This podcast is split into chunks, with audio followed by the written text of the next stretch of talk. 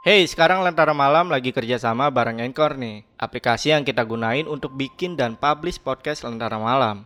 Di sini gue mau kasih tahu bikin podcast gampang banget dan 100% gratis. Semua yang kita butuhin buat bikin podcast tersedia lengkap di Anchor, termasuk distribusi ke Spotify dan platform podcast lainnya. Yuk, download aplikasi Anchor sekarang dan bikin podcast kalian segera. Halo semuanya, kembali lagi di Lentera Malam bareng gue Jamal Dan di segmen Saksi Misteri kali ini gue udah kedatangan narasumber Yang akan cerita tentang pengalaman horornya Dan narasumber gue kali ini akan menceritakan sebuah kejadian di mana ada seorang laki-laki yang meninggal dan jenazahnya bangkit kembali bahkan sampai jalan keluar rumah. Dan kejadian ini disaksikan oleh satu kampung warga di Surabaya. Kita kenalan dulu aja sama narasumbernya. Di sini udah ada Mas Noca. Mas Noca, apa kabar Mas? Halo. Oh. Ini kejadian tahun berapa Mas? Tahunnya sih sekitar tahun gue lupa antara 88 atau 89 Hmm. dan yang cerita ini ke gue itu bokap gue Jadi yang nyaksiin kejadian ini itu bokap. betul Mas, ini kalau boleh tahu, ini jenazahnya kan keluar rumah ya. Itu jalannya eh, ke mana ini jenazahnya? kalau cerita ini sih ke rumah tempat dia dilahirkan dulu yaitu di kota lain di daerah lain dari Surabaya di luar Surabaya Hmm. di daerah Lamongan Lamongan. Jadi ini jenazahnya bisa dibilang jalan dari Surabaya ke Lamongan ya. bisa dibilang seperti itu mungkin Dan ini kalau boleh tahu jarak dari Surabaya ke Lamongan itu berapa kilometer? ya kurang lebih mungkin sekitar ya hampir 80 mungkin terus eh, hampir 100 lah kira-kira perjalanan sana itu kalau sekarang dengan jalan yang udah bagus bisa dua jam tiga jam Dua jam sampai tiga jam ya. tergantung traffic lah Hmm. Kalau untuk si jenazahnya sendiri atau almarhumnya sendiri ini latar belakangnya gimana mas? Apa dia punya ilmu atau gimana? setahu ayah saya sih nggak ada sih Nggak ada. nggak ada Dan Mas Nocan ini bakal menceritakan dan semua nama tokohnya itu bakalan disamarkan ya mas ya? betul dan untuk menjaga privasi dari warga yang terlibat lah Iya, orang-orang yang betul, terlibat betul banget. Satu kampung di Surabaya tuh. ya Iya. Oke, buat kalian yang pengen jadi narasumber juga sama seperti Mas Nocan, teman-teman nih bisa langsung aja DM ke Instagramnya Lentera Malam itu ada di @lentaramalam.id. Nanti setelah kalian DM bakalan ada admin kita yang ngarahin kalian di sana. Yaudah, buat kalian yang penasaran sama cerita lengkap dari Mas Nocan, tonton videonya sampai habis dan tanpa basa-basi lagi. Saksi misteri kita mulai.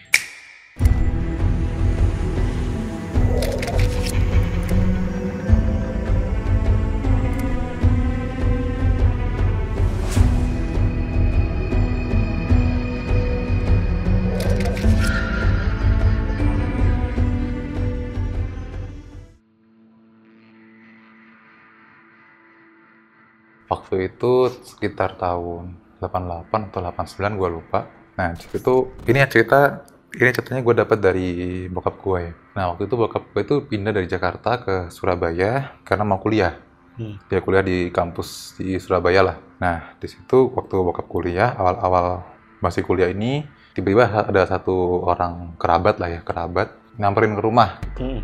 main ke rumah dia bilang ke dia minta temenin tangga gue meninggal gitu temenin gue ngelayat dong gitu mungkin karena waktu itu kan si kerabat ini tuh dia baru pindah juga nih ke Surabaya dia nyari orang yang bisa dijak ngobrol nih takutnya nanti dia garing di situ sendirian kan Hmm. nah yaudah akhirnya dia ngajak bokap karena bokap ini orangnya supel gampang bergaul dan kalau ketemu orang baru tuh bisa langsung akrab gitu orangnya Iya. sosial butterfly lah pokoknya. Udah akhirnya ngajak bokap. Bokap mau, yaudahlah bokap. Berangkatlah berangkat. Berangkat naik motor ke sebuah daerah di Surabaya. Daerahnya sih daerah Surabaya Utara.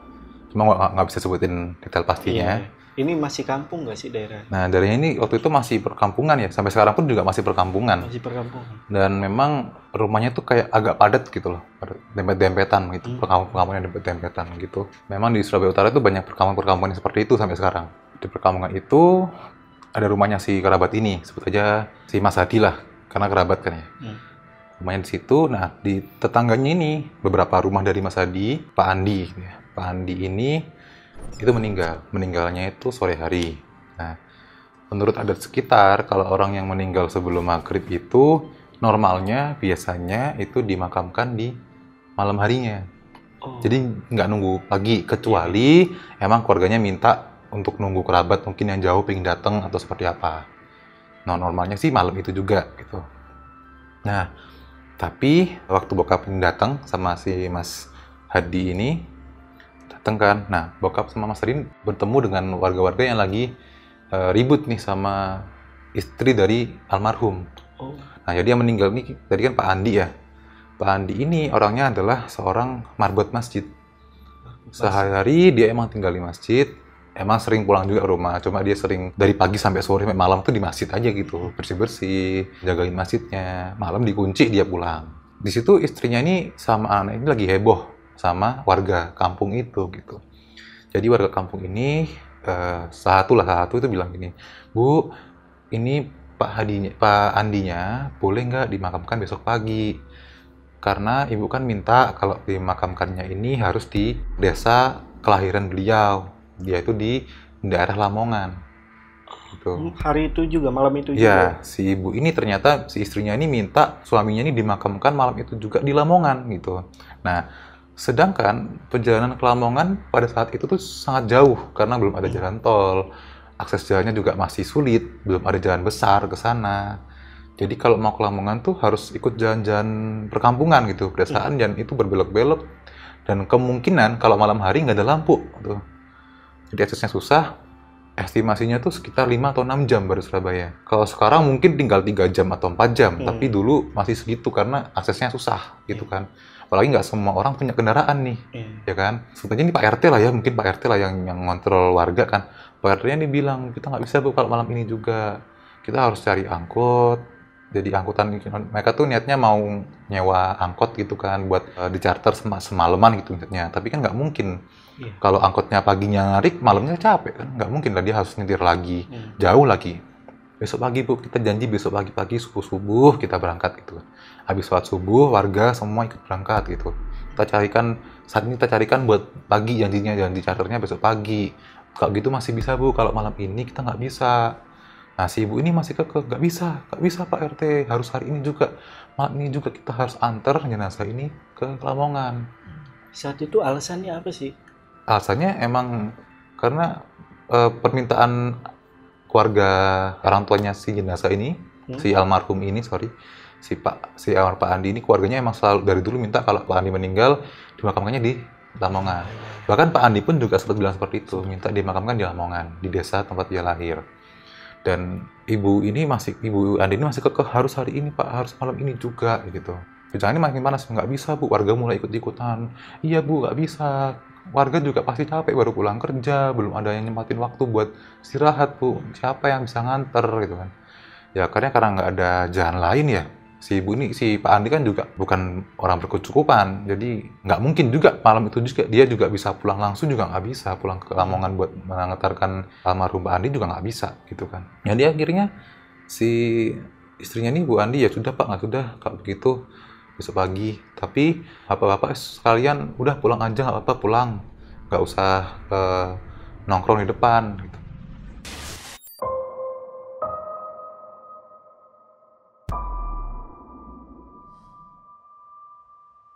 Nah di Jawa Timur tuh kalau ada orang meninggal biasanya mungkin ini di daerah lain juga sama ya. Iya, iya.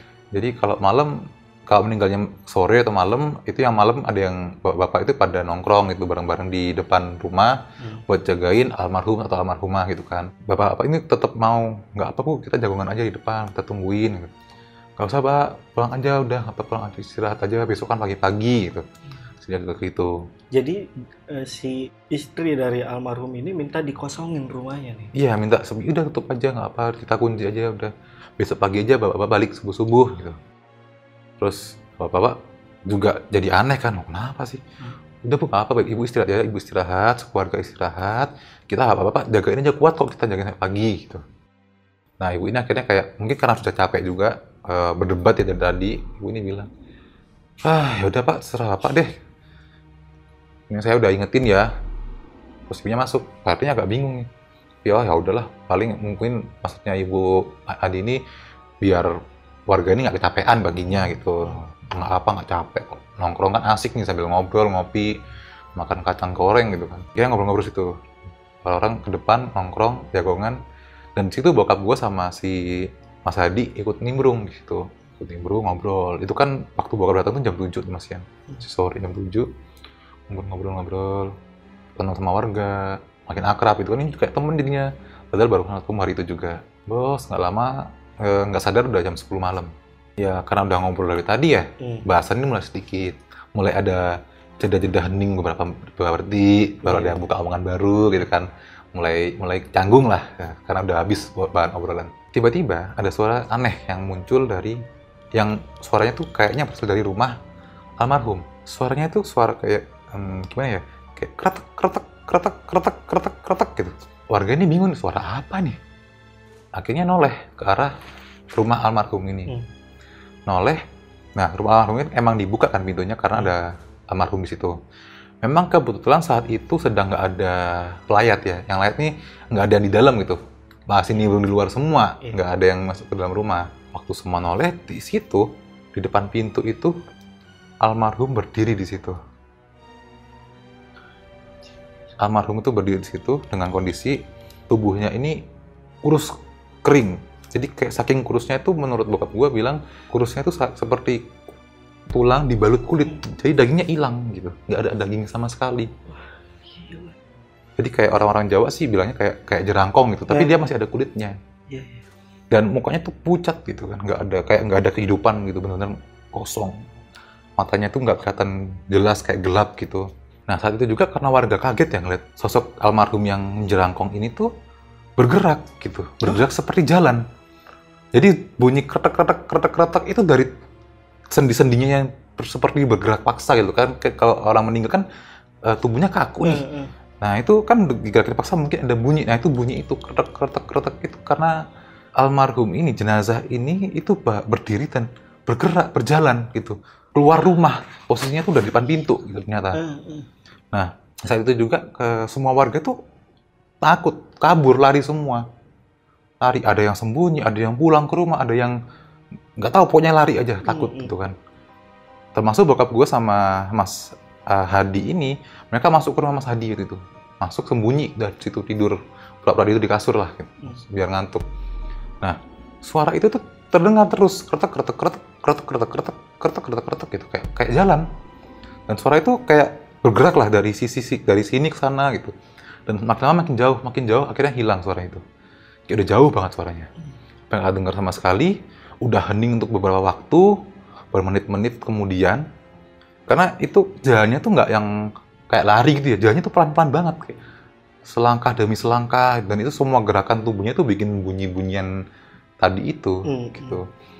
Ini lama banget bermenit-menit warga itu sembunyi semua nggak ada yang berani ngintip karena takut apalagi suaranya tuh kayak bergerak kan kayak melewati mereka yang lagi sembunyi gitu. Iya, iya. karena warga-warganya takutnya mereka dicari nih misalkan. Nah ini mereka tuh sembunyi merem nggak mau ngeliat misalkan gitu. Akhirnya setelah semuanya udah hening ya suara ketek-ketek itu sudah hilang sudah sangat jauh mungkin ya warga itu mulai ada yang berani untuk balik ke rumah duka ya. Hmm. dan warga yang pertama ngecek ini ngecek ngeliat ke dalam rumah langsung teriak pak tolong jenazahnya hilang jenazahnya hilang gitu di depan Hmm, gitu hmm. jenazahnya dibaringkan di situ di ruang tamu di depan biar orang-orang yang bertamu orang yang pelayat itu bisa melihat jenazahnya sebelum dimakamkan jenazahnya itu nggak ada dan kain-kain yang kayak buat nutupin kayak kain jariknya itu Hmm. tuh jatuh di lantai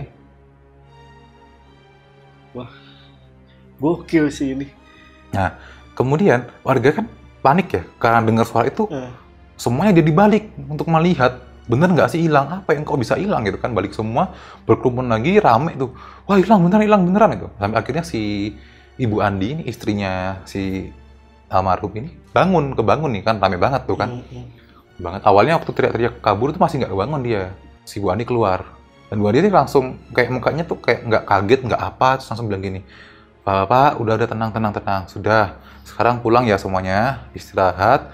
Besok kita ke Lamongan bersama-sama kita lihat ada apa di Lamongan tuh loh ini Bu gimana nih jenazahnya hilang ini gimana nih gimana gitu kan semuanya Hmm. panik karena mereka juga baru pertama kali ini melihat ada jenazah yang bisa menghilang gitu kan Iya, iya, iya. Udah Pak, tenang, tenang. Sudah. Ini almarhum suami saya pasti sudah pulang ke Lamongan. Pasti sudah pulang. pasti sudah pulang ke Lamongan. Dan ini dipastikan gitu ya sama istrinya. Iya, istrinya sendiri yang bilang gitu. Sudah pulang, pasti sudah pulang ke Lamongan. Sudah, Bapak tenang, besok Hmm. Bapak bisa ketemu lagi sama almarhum di Lamongan. Di rumahnya almarhum di Lamongan sana, Hmm. di desa. Kok bisa nggak mungkin, Bu? Gimana sih? Gimana? Masih bingung kan? Udah, pulang, sudah pulang. Istirahat, pulang, pulang. Ya akhirnya karena disuruh pulang ya kayak diusir gitu kan. Akhirnya ya udah mereka pulang. Rumah dikunci sama si ibu ini. Ya udah warga beres-beres dikit, beres-beresin kursi itu kan biar besok nggak banyak-banyak beres-beresnya. Mereka pulang tidur istirahat semua. Hmm. Tapi tentu saja warga-warga ini cerita ke istrinya, ke anaknya. Iya. Dan akhirnya besok pagi yang niatnya cuma nyewa beberapa angkot doang ya untuk bapak-bapak yang nganter, Hmm. beberapa orang doang, jadi semua sekampung tuh pengen ikut gitu. Oh, karena penasaran. Karena penasaran gitu. Karena pasti suaminya cerita ke istrinya, Iya, si iya. anaknya cerita ke orang tuanya, misalkan gitu kan kalau ikut, kalau yang ikut anaknya misalnya yang ikut nongkrong. Berarti pagi itu langsung heboh nih. Heboh, semuanya ikut. Jadi akhirnya nyewa banyak angkot nih. Eh, eh. Angkot jadi banyak banget gitu. Jadi abis subuh jam setengah lima, jam lima, Surabaya itu mereka langsung berangkat. Bokap gimana tuh? Bokap ikut. Bokap ikut. bokap ikut karena jadi ikut penasaran gitu kan Loh, Iya. kok bisa nih ada yang hilang biasanya bisa hilang gitu kan Hey, sekarang Lentera Malam lagi kerjasama bareng Anchor nih, aplikasi yang kita gunain untuk bikin dan publish podcast Lentera Malam. Di sini gue mau kasih tahu bikin podcast gampang banget dan 100% gratis. Semua yang kita butuhin buat bikin podcast tersedia lengkap di Anchor, termasuk distribusi ke Spotify dan platform podcast lainnya. Yuk, download aplikasi Anchor sekarang dan bikin podcast kalian segera. Bokap sama Mas Hadi nih jadi ikut nih Eh. ikut naik angkot juga berangkat jam setengah jam lima lah jam limaan dan mereka tuh sampainya dari di Lamongan tuh baru jam satu siang artinya mereka sekitar berapa jam tuh tujuh jam ya 6 jam, enam jam Hmm. tujuh jam lah 7 jam, enam tujuh delapan sembilan sepuluh sebelas dua belas satu tiga delapan jam 8 jam. 8 jam nyetir. Nah itu karena ya karena perjalanannya emang jauh, akses jalannya susah dan mereka kan eh, jadi rombongan nih. Hmm. Jadi kalau ada yang ketinggalan ditungguin dulu, berhenti-berhenti sampai itu jam satu siang. Warga turun mobil, langsung bareng-bareng tuh langsung menuju ke rumah duka, pengen lihat langsung. Dan ternyata bener di rumah duka itu sudah ada sudah ada almarhum yang tidur di depan gitu di depan di ruang tamu, sudah dikafani. Nah sebelum di waktu di Surabaya ini emang belum dikafani, belum dimandikan. Hmm, hmm. Tapi di sana sudah dimandikan, sudah dikafani. Jadi si pihak keluarga Di yang Lamongan, di. Lamongan itu juga udah tahu gitu. Ya seperti saya tahu, sudah tahu, sudah di, jadi langsung dirawat jenazah ini. Iya iya. Langsung dirawat, dikafani, dimandikan, dikafani. Nah, mereka emang tinggal nunggu istri sama uh, warga kampung ini aja gitu. Zaman segitu di desa itu ya di rumah itu belum ada telepon. Jadi si istri juga nggak mungkin ngabarin ke keluarganya kalau Hmm. suaminya udah berangkat atau gimana, nggak ada. Gokil. Tapi jenazah si almarhum dari situ jenazahnya. Dan jenazahnya eh, enggak kurus kayak kemarin. Normal, kembali normal. Ada dagingnya lagi. Seperti jenazah pada umumnya. Normal aja gitu. Enggak ada tanda-tanda dia habis bergerak-gerak atau apa, enggak ada. Gokil sih ini Nah. cerita. Warga kan bingung nih, loh kenapa kok bisa nih, kok bisa? Bingung semua kan. Akhirnya si ibu si istri ibu Andi ya, si istrinya Pak Andi ini manggilin salah satu orang yang dituakan lah di desa itu. Sesepuh. sesepuhnya lah, sesepuhnya dipanggilkan, dimintain tolong buat menjelaskan apa yang sebenarnya terjadi. Nah, dan ini aku disclaimer dulu, ini yang bilang yang di eh, yang di tanah ayahku ini adalah apa yang dialami ayahku ya. Hmm. Di ayahku dengar lang- dengar langsung dari si sesepuh ini, bukan berarti aku ngarang-ngarang ataupun cerita bohongan. Hmm. Ini emang dialami ayahku dan ayahku sendiri pun ya tahunya ini dari sesepuh itu apa Iya. yang sebenarnya terjadi ya. Kebenarannya bukan bukan kita tahu pasti gitu Hmm. apa yang dikata sepuh ini kita nggak tahu pasti benernya apa enggaknya yang tahu ya sepuh itu atau warga desa itu ya kan? Intinya ayahnya Mas Noca Ya, ini cuma menyampaikan apa cuma- yang betul. dialami aja gitu Betul. apa yang didengar dan dialami aja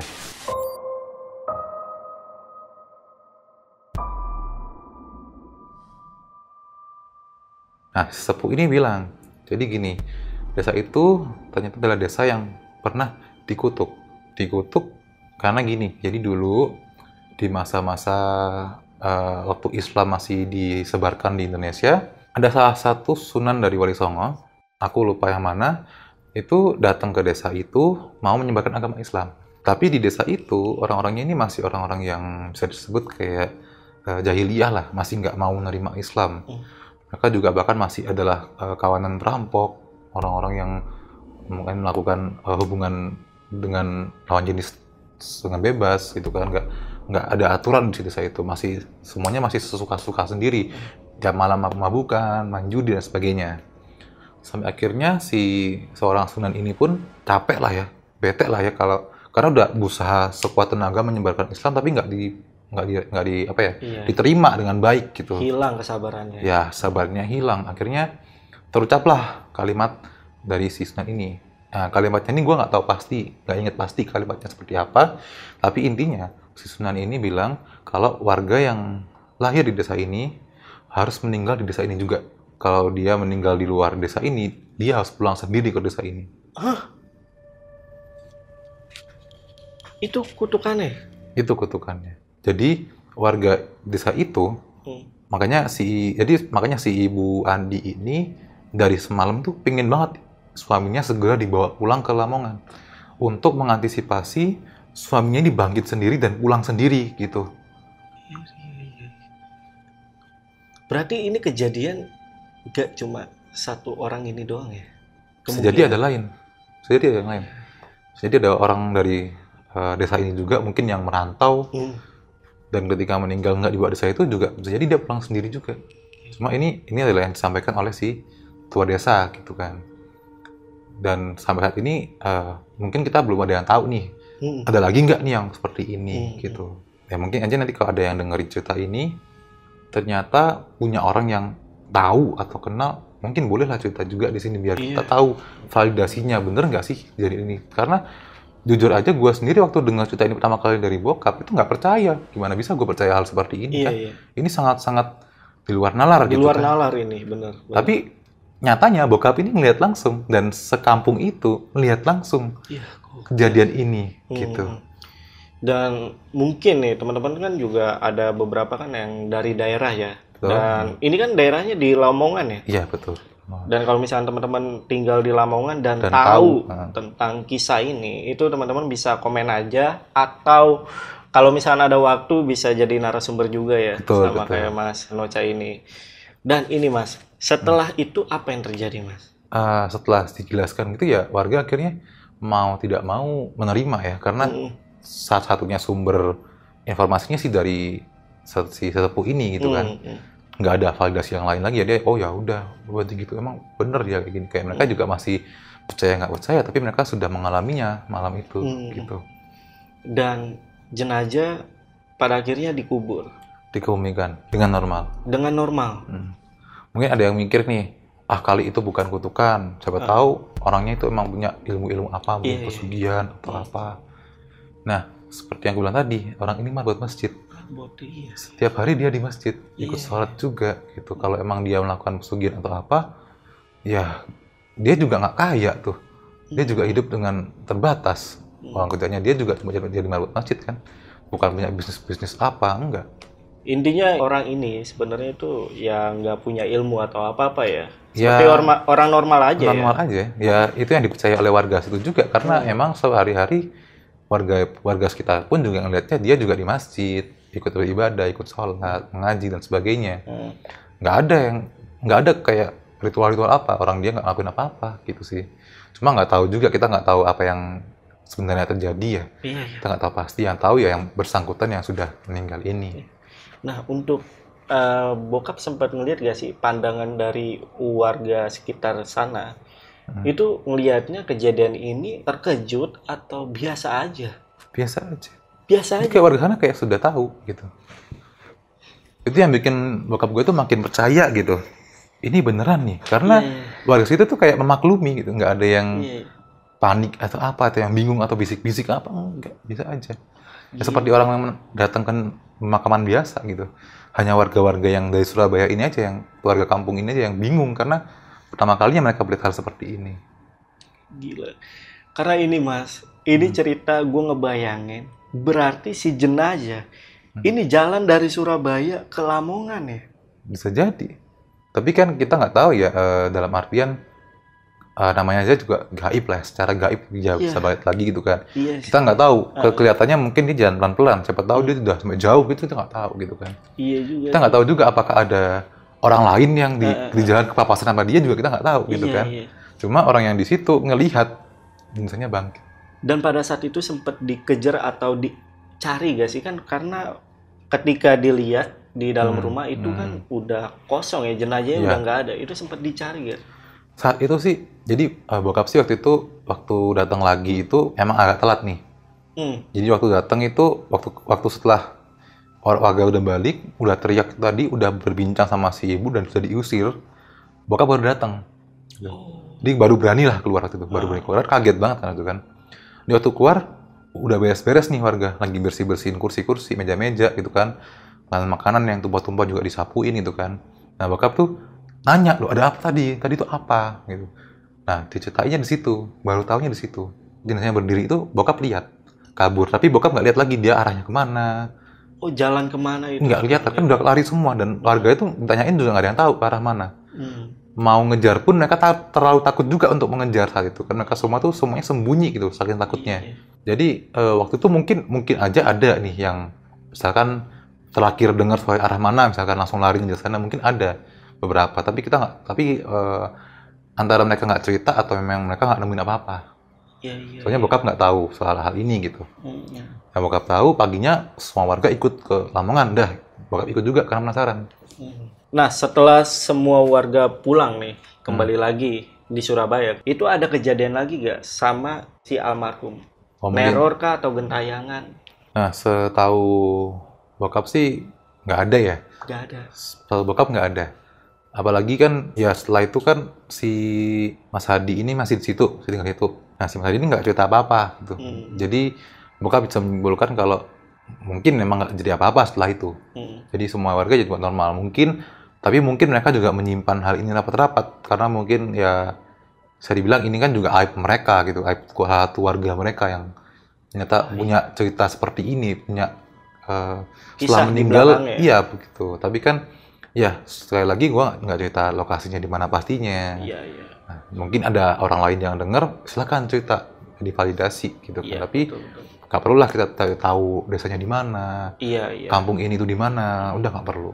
Iya, betul. Jadi buat teman-teman yang tahu, kalau bisa ya tipis-tipis aja lah ngasih taunya ya. Betul. Jangan terlalu barbar. Iya, gue tahu ini, gue tahu. Takutnya menimbulkan fitnah ya kan. Betul, Nah, betul. Nah, tadi kan sempat disinggung juga atau diceritain sama Mas Noca kalau ketika bangkit ini kan tubuhnya berubah ya, Hmm. menjadi kurus. Ketika dia bangkit, ini bau eh, jenazahnya berubah juga kan? Sejauh yang aku dengar dari bokap sih nggak ada ya, nggak ada ada. omongan yang bau bau apa enggak. Jadi emang murni warga tuh sadar ketika dengar suara kretek-kretek itu. Hmm, Jadi kan karena awalnya masih ngobrol-ngobrol, suara itu tersamarkan. hmm. Baru kedengaran ketika hening dan ternyata jenazah ini sudah berdiri di depan pintu. Jadi nggak dengar waktu bangkitnya gitu. Hmm, Karena masih ngobrol mungkin. hmm. gitu. Apalagi kan kayak rumahnya ini rumah yang ada halamannya gitu loh. Warga itu di jalan, nutup jalan gitu, nutup jalan gang di situ. Nah rumahnya ini masih masuk dikit gitu dari halaman Hmm. baru rumah. Nah pada saat almarhum Pak Andi ini disolatkan, dimandikan, Hmm. itu semuanya normal aja. Nggak ada tanda-tanda ibaratnya kan entah dia masih anget badannya atau gimana. Oh gitu. Itu sih kalau eh, karena bokapku sampai di Lamongan tuh ketika sudah selesai ya, sudah Hmm. sudah dikafani, sudah wangi, sudah biasa. Jadi nggak ada cerita apa-apa Nggak ada cerita apa-apa dari da- warga sana. Hmm. Di warga sana tuh cuma yang yang yang bercerita ini cuma si sesepuh tadi doang. Yang lainnya tuh udah bungkam, nggak mau cerita apa-apa. Oh iya ya warga di Lamongan sana udah bungkam lah ya. Hmm. Mungkin emang sudah eh, tahu lah ya, Hmm. tahu ini bisa terjadi suatu saat gitu kan. Jadi Hmm.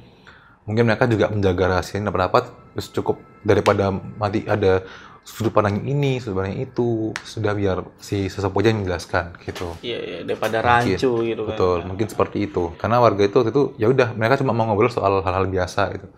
Almarhumnya kayak dulu gimana, itu mereka masih mau ngobrol. Tapi kalau sudah membahas hal ini kejadian itu, mereka tuh nggak mau ngomong, nggak bilang apa-apa.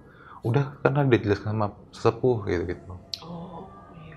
Karena bokap tuh sempat ngulik nih, bokap tuh sempat ngulik ke warga itu, ah bener ya itu itu bener kayak gitu tuh. Ya sih bilang apa? Udah dia kan udah jelas sama Pak sepupu, udah itu itu mas ya mau gimana lagi emang seperti itu gitu doang. nggak mau ngomong lebih gitu warganya. Iya, iya. Karena ini termasuk aib. Mungkin Bener. ya. Bisa jadi itu juga. Tahun 2022 ini, lu pernah ke Surabaya dan menanyakan tentang kejadian ini gak sih ke, Ke warga kampungnya sana? itu ya. Mm-mm. Bokap itu sama sekali nggak ngasih tahu ke gua kampungnya mana. Mm-mm. Bokap juga nggak inget kampungnya namanya apa. Jalannya juga mungkin sekarang sudah berubah sama yang dulu gitu kan. Jadi eh, bokap itu sudah lupa nih kampung itu di mana lokasinya gitu. Tapi kalau ada kata pun bokap tahu, bokap juga nggak mau nunjukin ke gua. Itu sampai sekarang. Juga nanya, kan gua tahu nih dari utara. Mm. Tanya nih, dulu lihat mana bapak, lihat mana, lihat mungkin bisa, kita bisa tracing kan. Mm. Udah nggak usah, nggak usah gitu. Bapak gitu. Dan jalan yang ke Lamongan itu pun, kan gua pengen nyari desanya di Lamongan nih. Mm, mm. Pokoknya juga, juga udah lupa karena dulu kan perjalanannya kan lewat, lewat bawah nih, nggak ada tol nih waktu itu kan. Iya, iya. Jalannya juga mungkin sekarang sudah berubah drastis.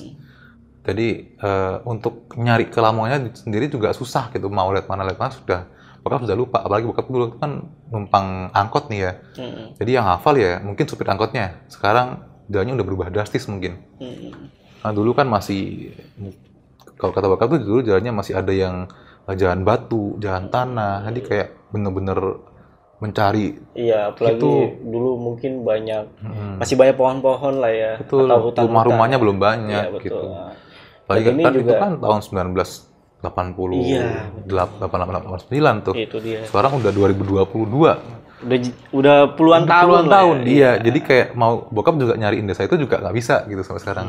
Gokil sih ini ceritanya, gokil Mas. Thank you banget ya Mas ya, udah cerita lagi nih di Lentera Malam. Siap, siap. Nah, jadi buat teman-teman yang pengen tanya-tanya ke Mas Noca ini, teman-teman tuh bisa langsung eh, mampir ke sosial medianya Mas Noca ini. Eh, itu sosial media di mana Mas? At FBHNCH. Instagram ya. Instagram, betul. Ya, untuk linknya gue taruh di deskripsi. Kalau misalkan teman-teman tuh ada pertanyaan yang pengen ditanyain ya, dan gue kurang nih pertanyaannya, itu teman-teman langsung bisa DM aja.